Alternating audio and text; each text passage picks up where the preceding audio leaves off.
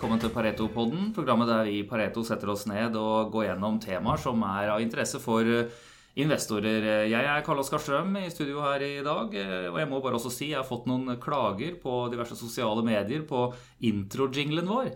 Og eh, jeg må bare si at de klagene de tar vi ikke til følge. Vi bryr oss ikke om det. Det var noen som sa at dette her hørtes ut som musikk fra slutten av 80-tallet og begynnelsen av 90-tallet. Og jeg må jo si at det er jo positivt. Det tar vi jo som et kompliment. Og uansett hva vi hadde valgt av musikk, så hadde det vært noen som hadde kommet til å klage på det. Men, men. Sånn er det. Eh, folk eh, har forskjellig smak. Eh, men når det gjelder min smak på investeringer, i hvert fall, så går den ofte i retning av teknologiselskaper. Jeg syns det er spennende å investere i teknologi. Vi ser jo at masse selskaper, nesten uansett hvilken bransje det er, de investerer i teknologi for å gjøre sin business bedre. Og dette er rett og slett en spennende sektor som også er stor og bred på den internasjonale arenaen. Med meg i studio i dag så har jeg da fått en av våre analytikere som følger en del av disse teknologiselskapene. Fredrik Steinslien, velkommen. Takk for det.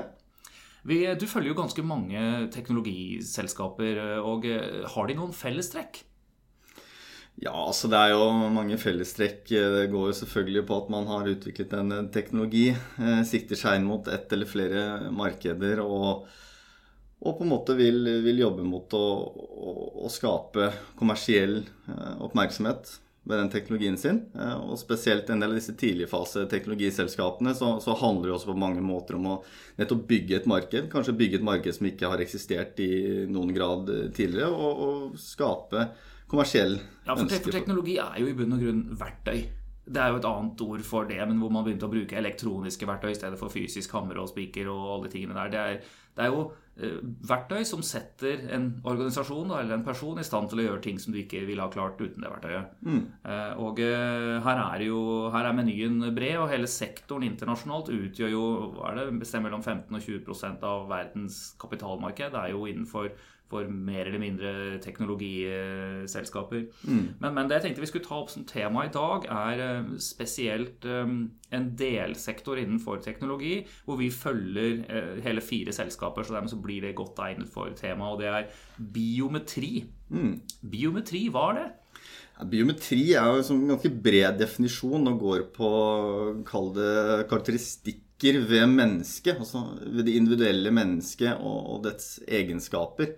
Så kanskje det mest vanlige i dag, og det første man tenker kanskje, er jo, er jo fingeravtrykkssensor. Eller fingeravtrykk ved mennesket. Mm. er jo det som selvfølgelig er mest utbredt i dag. Men det, det, kan like gjerne være ansiktsgjenkjenning. Det kan være skanning av øyet, eller iris, som er den fargede delen av øyet. Stemmegjenkjenning har jeg hørt om også. Alt dette her er jo egenskaper ved enkeltpersoner da, som går an å kjenne igjen og bruke til identifisering. Ikke sant. Poenget er jo å bruke biometrisk eh, data F.eks. i autentisering.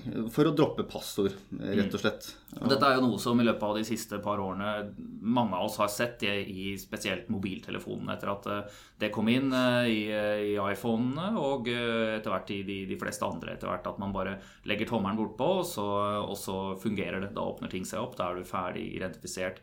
Og betalinger og den type ting i, på telefonen kan jo også nå bare gjøres med fingeravtrykk. Eh, og jeg husker de, de første, første, telefonene jeg hadde med det, så var det jo sånn at du fikk en sånn eh, At det ikke fungerte alltid. At du mm. noen ganger måtte frem med koden, men på de nyeste versjonene så, så er det jo bare sånn at det bare virker. Det har begynt å, virke veldig veldig bra. Jeg har selv eh, erfart at det ikke alltid har funket like godt på, på tidligere telefoner jeg har hatt, men, men, teknologien og fremskrittene der har gått vanvittig fort. Så nå er det nesten aldri at det ikke funker på, min, eh, på telefonen jeg bruker, da, med mindre jeg er veldig våt på fingeren eller eh, Ja, det hender hvis man er ute på skitur f.eks., så for merker jeg at da, da, kan det hende at du må taste koden. Ja, ja. Men så, som mobiltelefoner og betaling via mobiltelefon og sånn, det er jo én av disse applikasjonene. Men jeg har sett her nede på, på, vårt kontor også, så er jo Bloomberg-terminalene bl.a., som jo er veldig dyre informasjonssystemer, de er jo utstyrt med fingerprint-identifisering, slik at det bare de personene som har en ID, og som betaler de noen tusen dollar i måneden for å ha tilgang, de kan logge seg på en Bloomberg-terminal. Ja, ikke sant? for det er viktig på en måte at eh, F.eks. med en Bloomberg så er det jo én person som skal ha den Bloomberg-kontoen, og da er det viktig å på en måte kunne knytte opp det på en god måte. Og da er jo selvfølgelig fingeravtrykk, sensor i tastaturet, én måte å gjøre det på. Og én ting med, med, å bruke fingeravtrykkssensor er jo selvfølgelig relatert til sikkerhet, men det er også en, bekvemmelighetsting. ikke sant? De gjør ting lettvint. F.eks. login går veldig raskt og greit, gitt at sensoren funker som den skal. Ja, altså Jeg nevner noen av disse eksemplene nå fordi vi kommer tilbake på det når vi ser på enkeltselskapene. Men vi har da altså åpenbart telefoner hvor, hvor det er massemarked allerede, hvor vi ser at dette fungerer. Så har man eh, computere og den type hardware hvor du har tilgangskontroll. Og hvor vi også har noen norske og nordiske selskaper som er, som er med på, på, det. Vi kommer tilbake til, til, det. Og annen type tungt utstyr kan jo også ha den form for identifisering. Vi vet at det går an å kjøpe låser til huset ditt også, ikke sant, hvor du har det der. Men så er det jo ett stort område som, eh, som, eh, vi kommer tilbake til når vi ser på disse selskapene, som jo er det som kalles smartkort. Mm. Uh, og det kan jo være både betalingskort, men også ID-kort da, for å komme mm. inn i bygninger eller få tilgang til utstyr. Og, det er vel litt mer i tidlig fase, er det ikke det som kan si felles for, for det smartkortmarkedet? Jo. Og det er litt sånn, Bare for å trekke parallellen litt tilbake til uh, telefon, da, så var jo poenget der var at teknologien var jo ikke veldig tilgjengelig før egentlig eh, fingerprint cards et, I etterkant av Apple tok det i sin eh, iPhone-telefon, så var jo fingerprint Card den som hadde kommet lengst med et klart produkt. Og man så jo det at når det produktet var klart for massemarkedet, så var det et stort ønske om å ha funksjonaliteten i telefonen sin. Og poenget var jo at salg av eh, fingerprint Card sine sensorer skjøt jo i været så fort de var klare med produktet. Mm. Så litt av det tanken her er at det er en, en funksjonalitet som er etterspurt av markedet. Og på telefon så har den nå kommet, så nå har jo de aller fleste telefoner det. På kort så er det egentlig først nå man begynner å se at man har spillere som har et produkt som gjør at dette blir brukbart for massemarkedet også på kort. Og da er det spesielle ting med kort eh, som gjør eh, at sensoren f.eks. må være bøyelig, må være fleksibel. For kort, eh, f.eks. betalingskort må gjennom mm. robuste tester. I forhold til bøyle. i lomma og sånne ting rett og slett og setter seg. og det, det er klart at det ja. ja, det skal mm. tåle ganske mye. Det er én ting, så du må ha sensor som må være fleksibel og tåle å bøyes på uten å bli ødelagt. Det er det ene. Men det andre er selvfølgelig kostnad. Altså et kort i dag, bankkort koster ca. 2,5 dollar å, å lage. Mens, eh, mens, en sensor eh, til en telefon koster jo kanskje ja, 2,5-3 dollar, det også, for så vidt. Det er klart at det er først nå man begynner å komme på et stadie hvor kanskje kostnadene er klar for at, at kort i stor skala skal begynne å ta det inn. Men ikke minst det at teknologien har utviklet sensorvarianter som også er fleksible. Ja, for det, er jo et annet faktor med, med kort. det, et, et, kort er jo på en måte en, en, død gjenstand. Altså Den lades ikke opp på samme måte som en telefon gjør. ikke sant? Og det, det er ikke så lett å ha en, en stor prosessor på et kort. Eh, så da blir man avhengig av å ha det enten i den enheten du stikker kortet inn i, eller at, mye, at, at det ligger noe logikk programmert inn i kortet som, eh, som sørger for at dette her blir, eh, blir riktig. Så, og dette er jo ting som har vært under utvikling i den seinere tid, og som nå er vel i den fasen hvor, hvor vi venter kommersialisering, som det kalles. At det, mm. nå, skal det, nå, skal det, ut. Mm. Det er akkurat det, og vi, vi ser jo f.eks. Vi kommer litt tilbake til det, men Next Biometrics eksempel, har jo lagd en sensor som er stor nok til å kunne leses på et kort. For som du nevnte, i forhold til prosessorkapasitet, så kan du ha en liten sensor på en eh, telefon. Men så kan du kompensere med det fordi du har en sterk prosessor i en telefon. Men med kort så har du selvfølgelig ikke det. Og da må du, for å ta igjen for det, ha en større sensor. Rett og slett bare for å fange opp nok av detaljene i, i fingeren, rett og slett. Da. Ja, ja. Før vi går inn på enkeltselskapene, så skal jeg meg, spørre deg egentlig om en av de store utfordringene som kan være interessant for lytterne å, å, høre på når man skal lage estimater og analyser for selskaper som er i en veldig tidlig fase. Eh, så er det jo sånn, sånn som her at man, man, vet det er et betydelig marked man kan anta med relativt stor sikkerhet at det er det, i hvert fall. Men man vet jo ikke helt hvordan det vil se ut, og, og eksakt timing på hvilket kvartal det begynner å komme salg og den type ting. ikke sant? Sånn at, eh, at eh, det, det, er jo mye større usikkerhet heftet ved enkelte av disse analysene enn det det er hvis du skal analysere stabil virksomhet som f.eks. Orkla eller, eh, eller mm. eiendomsselskapene som, som Entra og den type ting, som jo, jo, er en helt annen type business, rett og slett. Absolutt. Det er klart det, og, og litt sånn Jeg nevnte Next Biometrics, men også Idex jobber jo ut mot mange av de samme segmentene. Og, og på kort spesielt er jo en tidlig fase og jobber jo med å kommersialisere sitt produkt. Og én ting er på en måte det å ha produktet klart fra deres side, men man må jo også ha skal jeg si, snakket med alle relevante aktører innenfor eh, økosystemet kort, som banker, de som produserer selve kortet. Og det er jo et helt økosystem som skal på plass. Mm. Og det er klart at uh, dette er ting som tar tid og er beheftet med usikkerhet i forhold til tid, og i, i mange tilfeller ikke er opp til hvert enkelt uh, sensorprodusent. Ikke sant? Mm. Mm. Og det, ja, det som er vanskelig med selskaper som er i en tidlig fase sånn, er jo nød, nød, da selvfølgelig hvilket kvartal eller når begynner man å levere, og på en måte i hvilken fart vil man begynne å levere i, i tiden utover. Så det er jo helt klart at det er timingen som er, som er vanskeligst mm. i forhold til uh, å lage analyse og estimater på sånne selskaper. Men man må ta seg og gjøre seg opp en mening om, uh, om man har en tro på teknologien, og om man har en tro på, på det segmentet man satser uh, ut mot. Og, og, i det så, så gjør man jo da opp en mening om det er en aksje verdt å eie eller mm. ikke, rett og slett. Det fins jo enkelte eksempler. Jeg har sett vi har lagd det her hos oss også i noen sjeldne tilfeller. At man i stedet for å lage en helt vanlig analyse, lager en scenarioanalyse, rett og slett. Hvor man sier at uh, her ser vi følgende f.eks. tre scenarioer, og så, mm. så, legger man opp det, og så får folk på en måte velge litt selv hvor de skal tro på. Men, men i bunn og grunn så er jo alle analyser er jo en scenarioanalyse. Man står jo på nåtiden, og så, og så, ser man fremover og prøver å lage et bilde av hvordan vi mest sannsynlig tror dette vil utvikle seg fremover. Ja, Det er den beste gjetningen man gjør på dagens uh, tidspunkt uh, med den informasjonen man har i dag.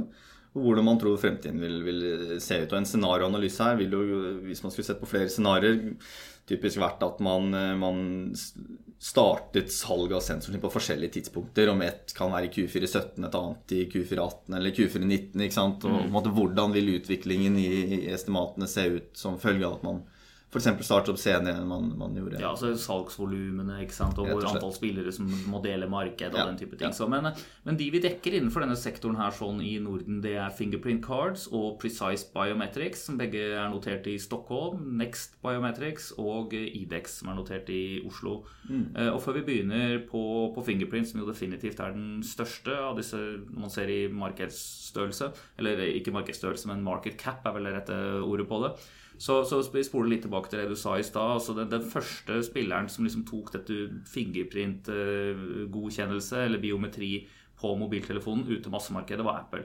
Mm. Men, men, de kjøpte en av de eksisterende spillerne den gangen, så de, de eier dette inhouse nå selv. Ja. Ikke sant?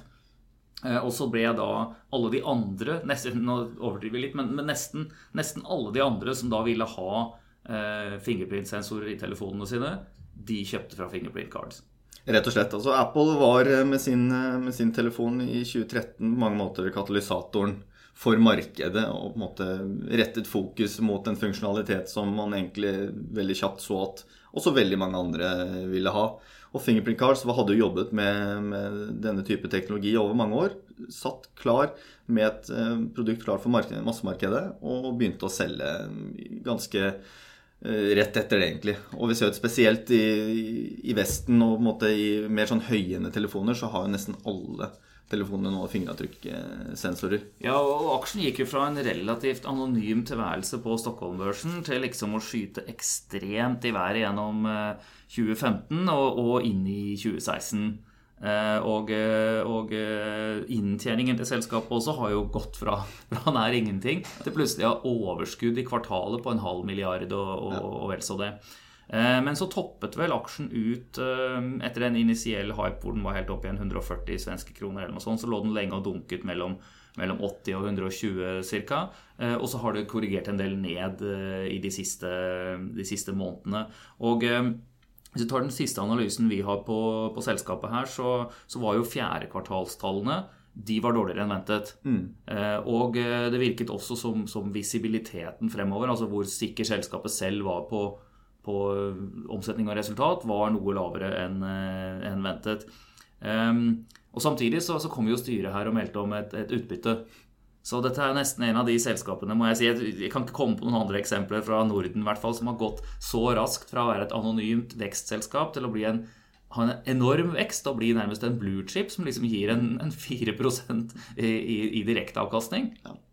Gått, Hva skal du si om dette her? Ja, det har gått uh, utrolig fort, og de har jo hatt en helt vanvittig inntjeningsvekst, uh, som du sier. De fikk jo en helt unik posisjon og tok jo mer eller mindre hele markedet. Og det er klart at vi har gjort en enormt god jobb i å posisjonere seg riktig på riktig tidspunkt. Og klart har jo nytt godt av det.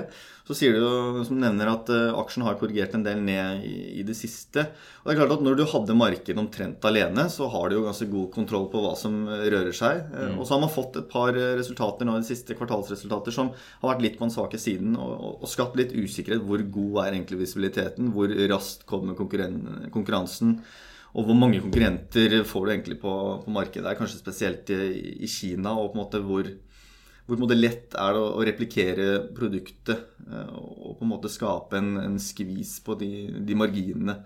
Ja, de for, her, for her har jo de nesten hatt de, Det er som en første kua som slipper inn på en grønn eng. og De, de har hatt alt for seg selv, og så nå begynner det å bli trangt i døra inn der. Det er mange som kommer og vil ha en bit av, av dette her gresset. Så fordi Ser man på, på tallene Vi har jo ja, Siste analyse som kom ut, den kom ut da sto kursen i 50 kroner. Vi hadde kursmål på 75 og en kjøpsanbefaling Kursen er litt under 50 nå, men han har jo bunn og grunn ligget rundt det nivået eh, pluss-minus noen, noen, kroner, noen svenske mm. kroner, mm. eh, etter at vi kom med den siste analysen. Så, så, det store spørsmålet her er jo nå om altså, Hvis de klarer å fortsette å tjene så mye penger som de har gjort de siste kvartalene, mm. så er jo aksjen kjempebillig. Eh, og hvis man klarer å få vekst på det igjen, så er det jo eh, fantastisk. Men det virker jo som markedet ganske enkelt ikke tror på det. på en måte, altså De tror at her, her skal deres markedsandel falle, og her skal kanskje marginene under press. Ja. Og det er sånn, Grunnen til at vi har kjøpsanbefaling, er at vi, vi, ser jo helt klart at konkurransen intensiveres. Det er ikke noe, noe tvil om det. Men vi tror kanskje markedet litt raskt ute med å prise inn frykten for det. Altså Selskapet har, har jo guidet på, på, topplinje og marginer for uh, eh, 2017. Men selv på en måte i midten av rangen der, så, så priser du aksjen på et veldig, veldig lavt nivå. Og det, det, sier jo noe om at, at markedet for det første ikke tror på den eh, guidingen selskapet har gitt for 2017. Det er én ting, men man tror også at i lys av at du priser den på et lavt nivå, at man skal komme veldig mye ned i inntjening i årene utover 2017. Så man mener jo her at, at dette er et marked som skal konkurreres eh, veldig tøft i, og kanskje spesielt frykten da for kinesiske produsenter. Mm. Vi har jo sett en, Blant disse mobiltelefonprodusentene, bortsett fra Apple, så har man jo sett en, en tendens til at de ønsker såkalt multisourcing. Eh, som jo ganske enkelt betyr at de, de, setter jo sammen telefoner basert på utstyr fra en masse underleverandører. Eh, og mange ønsker ikke å ha bare én. De vil alltid ha muligheten, eller vil gjerne alt annet likt, ha muligheten til å kunne kjøpe utstyr fra forskjellige leverandører. For å presse de sikkert litt på, på pris og, og, margin, men også for, også for økt sikker, leveransesikkerhet, rett og slett. altså. Ja, så en, ting er selvfølgelig bare å passe på at man får eh, konkurransedyktige priser. Men, men, ikke minst det å bare passe på at man aldri blir stående i en situasjon hvor man ikke får eh, sensor rett og slett i telefonen sin. Hvis det skulle skje rett før julesalget f.eks., og du ikke får solgt telefonen til jul, så ville jo det vært eh, katastrofe for den enkelte mobilprodusent. Så det er klart at det er viktig. Og, og, og Fingerplicars er jo helt klare på det og ser jo den trenden. og på en måte Det er jo ikke en uventet trend sånn sett. Og de sier at de har tatt høyde for det i guiding. og ja, både I forhold til estimatene våre så er det basert også på at man skal nå midten av rangen på guiding. og Det er derfor vi også har en positiv anbefaling på, på aksjen. Mm, mm. Er, eh, de som vil ha mer detaljer på dette, kan lese analysen på, det ligger tilgjengelig på, på våre nettsider. Eh, vi, eh, men når det gjelder Fingerprint Cards, avslutningsvis før vi hopper til neste selskap der, de, de gjorde et oppkjøp nylig hvor de jo nettopp kjøpte en, en, annen type, eller et selskap med en annen type teknologi som gikk med på øyeskanning og, og den type ting. Ja. Eh, hva sier Fingerprint selv om, om, bakgrunnen for det oppkjøpet? Det er klart at De her eh, i Fingerprint Cards har lyst til å være en integrert spiller innenfor biometri. altså Fingeravtrykkssensor eller fingeravtrykk er jo kun et undersegment innen biometri. De har lyst til å være en integrert spiller. Delta ID, som de kjøpte for 106 eh, millioner dollar, går på skanning av øyet, eller skanning av irisen, som er den fargede mm. delen av øyet. Og det går jo på å kunne f.eks. tilby integrerte løsninger for, eksempel, for økt sikkerhet. Mm. Eh, kanskje ut mot betaling eller andre høysikkerhetsapplikasjoner f.eks. Og, og det er jo en måte å, å, differensiere seg på. For det å lagre fingeravtrykkssensor i, i silikon er jo, er jo, noe som nå veldig mange har begynt å gjøre. Ja. Jeg tror vi skal, skal ta et par til av de som, som, lager sensorer, før vi hopper til en som på en måte er litt, en litt annen vinkling på dette her. Vi har et par som er notert i, i Norge, og begge disse er jo inn ja, Vi skal ta den som er likest um, fingerprint cards først, med at det da i hovedsak går på, på mobiltelefoner, men også som grenser inn mot smartkort, så er det vel, så er det vel IDEX. Mm. Uh, IDEX de, de har litt annen type fingeravtrykkssensorer, eh, har de ikke det? Eh, men som jo også nå faktisk er fysisk inne i telefoner. Du kan kjøpe telefoner med IDX-sensorer i. Du kan det. altså IDX har egentlig to eh, sensorsegmenter. Den ene som er en helt klassisk silikon- eller silisiumsensor, som er en direkte konkurrent til det produktet som Fingerprint Cards har, og på mange måter helt likt. Den finner du i en LG Stylus 2 Pluss-telefon, f.eks. Så den er jo allerede implementert i telefoner ute i markedet i dag. Og så har de en annen teknologi uh, som går ut mot kort. En såkalt off-chip-teknologi. Som egentlig har to viktige ting med seg. Det, det, ene er at du kan bruke mye mindre silisium ved å lage sensoren, som gjør det billigere. Mm. Men og ikke minst det at du kan bruke et materiale som er fleksibelt. Som jeg nevnte tidligere i, i stad, så, så, må du ha en fleksibel sensor når det gjelder uh, smartkort. Ja. Og det er jo helt klart smartkort som er det viktigste segmentet for, for Idex. Se på marginene ut mot, mot uh, telefonsegmentet, så er det mye lavere enn det man ser for seg å kunne få ut mot kortsegmentet. Så det er klart at deres nisje, deres hovedfokus, blir jo ut mot kort for deres del også.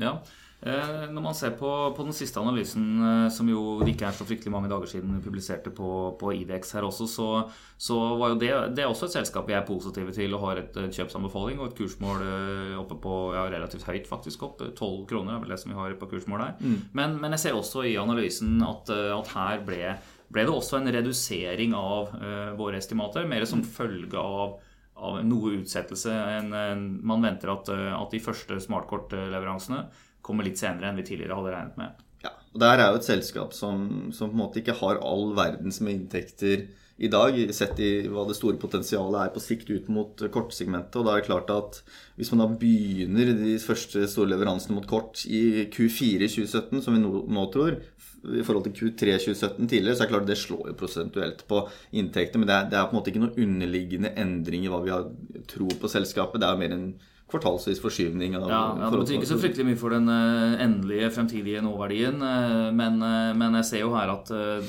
inntektsantakelsene for 2017 tas jo ned med 45 ja. så det er jo et høyt tall. Det er, og, og, det er for at man har lite inntekter nå. Når du da flytter startskuddet på en måte mot kort fra Q3 til Q4, så slår jo det prosentuelt en del. Ja.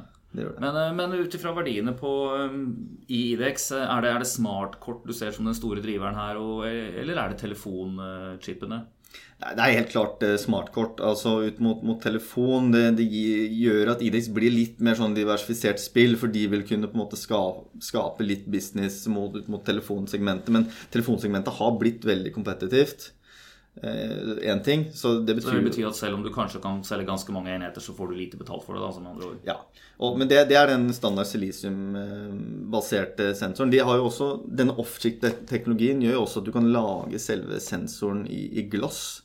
Eh, eller i, bruke også ut mot OLED-telefoner, som sant, spekuleres veldig at eh, mm. Apple skal komme med nå med iPhone 8. Og da, du, da har du plutselig et høyende telefonprodukt eller ut mot telefoner som kan differensiere deg signifikant mot mye av konkurransen. Og der tror vi absolutt at det kan være marginer eh, og, og, god business å gjøre. Men i forhold til det virkelig store potensialet, så er jo det hovedsakelig på kort. Altså. Rett og slett fordi det er større antall eh, på det. Mm. Ja, ja. Da kan vi jo hoppe til, eh, til, den neste spilleren der, i tilfelle, som vel er kanskje enda større innenfor bare Eller enda, enda renere bare innenfor kort. Og det er jo Next uh, Biometrics. Mm. Men, men, om jeg husker riktig, så har jo de også en avtale med Dell, er det ikke det? For sånne fysiske sensorer, altså som er bygd inn i tastaturer på, på PC-er. Ja, de har produktet sitt eh, inkludert i Dell. Så Dell PC-er med fingeravtrykkssensor vil være med en Next Biometrics-sensor. Mm. Det er helt riktig, så De er også ute i det kommersielle markedet, men, men ikke da innen sitt hovedsegment, som, som, du nevnte, vil hovedsakelig være ut mot, mot kort. Men det er jo ikke minst viktig å bare bevise konseptet sitt. Bevise at dette er en sensor som er blitt vurdert av en stor spiller som Dell.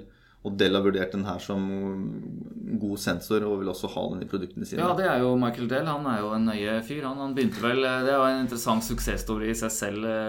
Dell Computers er jo mange som har det. Jeg har selv hatt og har Dell, men, men det startet jo i garasjen til Michael Dell. Ja. Med at han skrudde sammen saker. Og, og han har jo siden og kjøpt selskapet sitt av børs, hvis jeg husker riktig. For det var børsnotert lenge, og så tok Michael og Dell og kjøpte det tilbake selv. Men, så, så, så, det er jo en interessant kunde, men, men, de tjener ikke fryktelig mye penger på det der. Det, det, var vel nærmest noe de Jeg tror de aksepterte en kontrakt som kanskje ikke var ja, veldig god, men de var interessert i å få annenhåndseffekten av dette, eller altså andrerundeeffekten gjennom at du da er på plass hos en stor aktør. Ja. Det er jo en viktig milepæl for et, et, teknologiselskap. Ja, det er helt klart at det nok er det viktigste med, med den delkontrakten er at man beviser at produktet er kommersielt klart og, mm. og på en måte levedyktig i kommersiell stor skala. For produktet her er litt annerledes enn disse andre chipene. altså De kaller seg jo Next Biometrics, altså, så, så det er en annen måte å Eh, identifisere på via biometri. Det går på, med på varmegjenkjenning og den type ting, om jeg husker riktig? Er det? Ja, mens den klassiske silisiumbaserte sensoren baserer seg på elektriske overføringer i fingeren, så, så baserer prinsippet til eh, Next sin sensor seg på varmeoverføring i fingeren. Så, så, det gjør egentlig at du kan det gjør at du kan lage sensoren i helt sånne standard displayfabrikker i stedet for å bruke silisium. Og det gjør at du kan lage en, en veldig billig, billig sensor.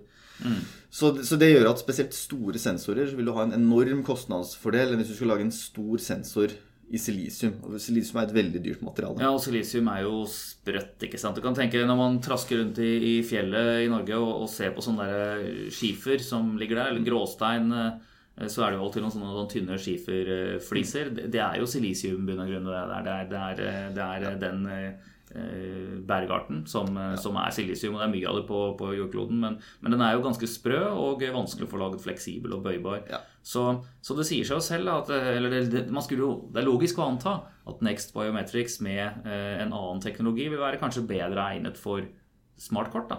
Ja, også fordi da kan du lage en veldig veldig stor sensor. Og med en stor sensor så fanger du opp mye av detaljene i fingeren og vil ha veldig liten feilmargin I, i avlesningen av fingeren, men ikke minst også at den er fleksibel. Noe du ikke kan lage med, en standard, eller i utgangspunktet ikke med en standard silisiumbasert eh, sensor. Du kan lage sensoren veldig tynn og allikevel få en fleksibel eh, variant på, mm. på sensoren inn i et kort med silisium. Men, eh, men, som sagt, det er et veldig dyrt materiale, så størrelsen vil være veldig vanskelig å forsvare kosten ved, hvis du skal ha samme størrelse som ved Next-sensor. da. Jeg ser den siste analysen vår, på, som jo kom 1.3, det kan jo jammen ikke være så veldig lenge siden. Nei, på, på, på, Next Biometrics her, sånn, så, så, ser man jo også at eh, den også har en kjøpsanbefaling, et kursmål opp mot, eh, mot 200. Og eh, som vi nevnte innledningsvis her, så er jo dette selskaper som ennå ikke har eh, veldig stort salg. Så her er jo her er vi Det er jo nesten sånn som vi har snakket om mange ganger når vi prater om dette her nede rundt bordet, at eh, det eneste man er sikker på, er at, kur, er at aksjen ikke er verdt 200. Enten har vært mye mer, eller så har vært mye mindre. Men, eh, men, man må lage et scenario, ikke sant. Ja. Også det er der man sitter på det. Men, men, også her så var det noe utsettelser. Eh, at eh, eller, eller, eller hvordan, går, hvordan, ligger de an i forhold til planen når det gjelder, gjelder å rulle dette ut? Ja, de, de, ligger egentlig ganske bra i forhold til planen med når produktet deres vil være klart. Altså, mm. Next har jo, jobber jo med å, å, å, utvikle produktet sitt fortsatt. Og det er først fra rundt starten av andre halvår 2017 at man vil være klart med et produkt med et fleksibel sensor og på den kosten man har siktet seg inn mot hele tiden. Og det er litt av poenget som du nevnte med den Dell-ordren der med med litt svake marginer der, er jo for at man, man tok jo den ordren før man egentlig var klar med det jeg kaller ferdig produkt, eller produktet ja. man, man, mener på en måte har optimalisert kost da, ut mot kort. Mm. Eh, så man, man, er for så vidt ganske godt i rute der med å begynne å levere fra Q3 og Q4. Og de har allerede et par kontrakter de begynner å levere sensorer til i løpet av Q3 og Q4. Det er klart Når produktet er klart fra andre halvår 17, så er det salgsjobben som gjenstår. Da er produktet klart, det kan masseproduseres, så må man selvfølgelig ut og overbevise potensielle kunder om at det her er et produkt eh, dere bør ha i kortet deres. Så det blir spennende måneder fremover for disse selskapene her. Altså, om man skal ta en liten oppsummering på disse tre før vi hopper på den, den siste, så er det jo da en spiller som var sto veldig stor og hadde markedet nærmest alene for seg, som har vært, eh, fått en uh, motvind på børsen i det siste fordi folk er usikre på rett og slett hvor klarer man å opprettholde markedsandel, klarer man å opprettholde uh, marginer. Mm. Eh, og så har vi da Idex, som er på vei inn. Mm. Allerede har de første sensorene sine ute i telefoner, men også sikter seg mot smartkortmarkedet. Eh, og så har du da eh, Next Biometrics, som også sikter seg mot smartkortmarkedet. Så både den og IDEX er jo, eh, er jo aksjer hvor, eh, hvor det blir spennende å se om når kommer smartkort skikkelig, og i hvilken hastighet og til hvilke priser. og og det, jo, det, er jo ganske store profesjonelle investorer som har posisjonert seg i begge disse to casene her mm. nå. Eh, man har sett både norske, men også først og fremst internasjonale fond som investerer mye i teknologi, som har tatt posisjoner i mm. disse aksjene. Så det er, det er jo spennende å se hvordan det, det skal, skal, gå. Men, men, det har vært litt motvind i sånn kursmessig de siste, siste månedene på, på mange av disse aksjene her. Ja, det er klart at det her er jo selskaper som eh, eller Next og Idex i tilfelle jobber med kommersialiseringen. Man, man trenger nyhetsstrøm, man trenger å, å, få nye kontrakter. Bevise konseptet, bevise produktet. Og det er klart at uh, det vil være en mye viktigere kursdriver for disse aksjene, mer enn på en måte hva som nødvendigvis skjer med, kanskje inntjeningen i Q3 2017. da. Mm. Så må det være at man, man, fortsetter å levere på den kommersielle utviklingen, men også ikke minst klarer å vinne nye kontrakter. Det er de virkelig viktige triggerne i de to aksjene. Ja, det, det er jo også en del eh, transaksjoner eh, som skjer i disse, den type selskaper. Så, eh, og det er vel ingen store eiere på en måte, eller noen som blokkerer mot eventuelle mulige oppkjøp her. Nei. Så dette er jo, uten at vi skal si at de er rene oppkjøpskandidater, så er man jo liksom Dette er selskaper som, som det ikke vil sjokkere meg om det en dag flagrer flagger en melding på at, eh, at noen er interessert i å kjøpe. Nei, absolutt. Og det er selskaper som har gjort en god jobb med å posisjonere et produkt som er unikt på mange måter, og da er det jo naturlige oppkjøpskandidater bare i lys av det. Mm, det er bare sånn det er. Da nå skal vi ta den siste, som er et selskap notert på Stockholm-børsen. Det siste av det du følger innenfor biometri. Og til mot i motsetning til de andre, så er eh, Precise Biometrics det har ikke hardware, det er software. Mm. Ikke det? De har eh, de algoritmene, den logikken som er programmert inn i telefoner og kort eventuelt, for å gjøre denne gjenkjenningen. Riktig. Det er en algoritme, som du sier. så Det er jo egentlig en matematisk vurdering at den fingeren som legger seg på sensoren. Det er riktig finger som skal slippe inn på telefonen, f.eks. Ja. Og de har jo historisk jobbet veldig mye med, med fingerprint cards, men, men, eh, fra tidligere har vært et selskap som har posisjonert seg mest kanskje ut mot det de kaller for embedded markets, som kan være sensorer plassert på enten om det skal være USB-stikker eller kort eller kalle andre ting. Men så er det klart at kort, altså mobilmarkedet vokste jo enormt fort fram, og de har jo eh, i samarbeid med, med fingerprint cards gjort uh, god business der, da. Mm. Um, Precise uh, har jo ja, Kursen der har ligget ganske stille egentlig de siste månedene, eller nesten siden i fjor sommer. Um, hva skal man si om, eh, om, dette? Vi har også her en, en kjøpsanbefaling. Uh, og, um, men her har selskapet selv guidet på relativt flatt salg i 2017. Mm. Så, så, så, så, hvilken vei ser du fremover for, for Precise her? Det er klart at uh, 2017 sammenlignet med 2016 vil være påvirket av at Fingerprint Cards faser ut og bruker Precise Biometrics som algoritmeleverandør. Fingerprint Cards gjør det her in-house i stedet, sånn at de kan mye mer skreddersy sitt, sitt produkt. Og ønsket ikke å bruke Precise. så så faser gradvis ut der, og det gjør jo at selv om den underliggende veksten fra øvrige kunder fortsatt er god, så vil jo topplinjen være ganske flat. Ja, rett og slett fordi du mista den aller, største av kundene dine. Men eh, da er det nesten bra for så vidt bare å klare å holde seg flatt. Da, for det betyr jo at det er ganske god underliggende veksttilfeller fra, fra alle andre mulige kunder. Absolutt. Og vi, vi ser at de har jo de veldig, veldig mange sterke navn på kundelisten sin, eh, sine, og veldig mange sensorleverandører, så de har klart å få en god uh, si, kommersiell eh, traction for sitt produkt. Og, og det, som du sier, det beviser at de har en god underliggende vekst, men klart at de merker jo det på inntjeningen at, eh, at Fingerprint Cards vil gjøre det her selv. Ja, men En stor forskjell også som jo er viktig for kapitalister, når man ser på, på de to svensknoterte, Precise og, og, Fingerprint Cards her, i forhold til de to norsknoterte, det er jo at de to svenske de tjener penger. Mm. Her er det en positiv EPS, eller inntjening per aksje. Eh, og det ser man jo også på, eh, på Precise. Nå, nå, har vel ikke de gått inn og begynt å utbetale utbytter ennå, eh, så vidt jeg vet. Men, men, det er jo ja, på inneværende år en, en, forholdsvis høy multiple, men så fallende til, til ikke så galt, får man si. Nei, det er klart at det er som, som de sier, de er positive cashflow. Det er, det er software. Det er 85-90% bruttomarginer. Så har man jo ansatte og forskning- og utviklingsavdelinger og sånne ting som må finansieres. Men, eh, men man har positiv cashflow også eh, etter det. Så, så, det er på en måte sånn sett, eh, sånn sett en, en god, god, drift som ikke skal på en måte trenge noen emisjon nødvendigvis for å finansiere driften. Men, men, det er klart at de må jo fortsette å bevise at deres algoritme er, vel, er god for oss mobil, men ikke minst kanskje ut mot kort, som vi tror kommer mer og mer gjennom 2018, for å få den veksten som egentlig ligger inne i, i prisingen nå, da. Men eh, hvis vi skal se på, på noen fellestrekk på, på, dette her, og som for så vidt gjelder for en del andre teknologiselskaper også, er det, er det, er det for lett å kopiere? Er det et problem liksom, for en del av disse selskapene at du, du, du, du, klarer ikke å patentere altså Du kan patentere akkurat den måten du selv gjør det på, men andre kan gjøre tilpasninger. altså De løser det samme problemet da, eh, relativt enkelt. Eh, er det et, et problem her? Det er klart, hvis du, Både hvis du ser på algoritmesiden, eh, men også på, på den tradisjonelle, enkle silisiumsensorsiden, så er det klart at det har kommet mange flere tilbydere av det nå, naturlig nok, når markedet vokser. Man, men, men, man ser jo klare forskjeller i skal jeg si, performance av en Precise-algoritme mot eh, mange konkurrerende algoritmer. Så Precise har jobbet med algoritmer eh, i 20 år.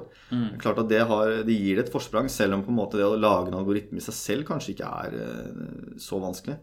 Det er vel også slik at når La oss si du skal lage en telefon, da, at du er en telefontilvirker, så, så ønsker du ikke nødvendigvis å å ta en stor risk på en ny algoritme eller en ny sensor. Nei. Du vil kjøpe fra noen du vet fungerer. Ja. Eh, og gjerne siste modellen deres, men på en måte man, man, eh, man, eh, ønsker sikkerhet både på at de kan levere, at de kan levere volum og kvalitet, og at det skal bare virke, rett og slett.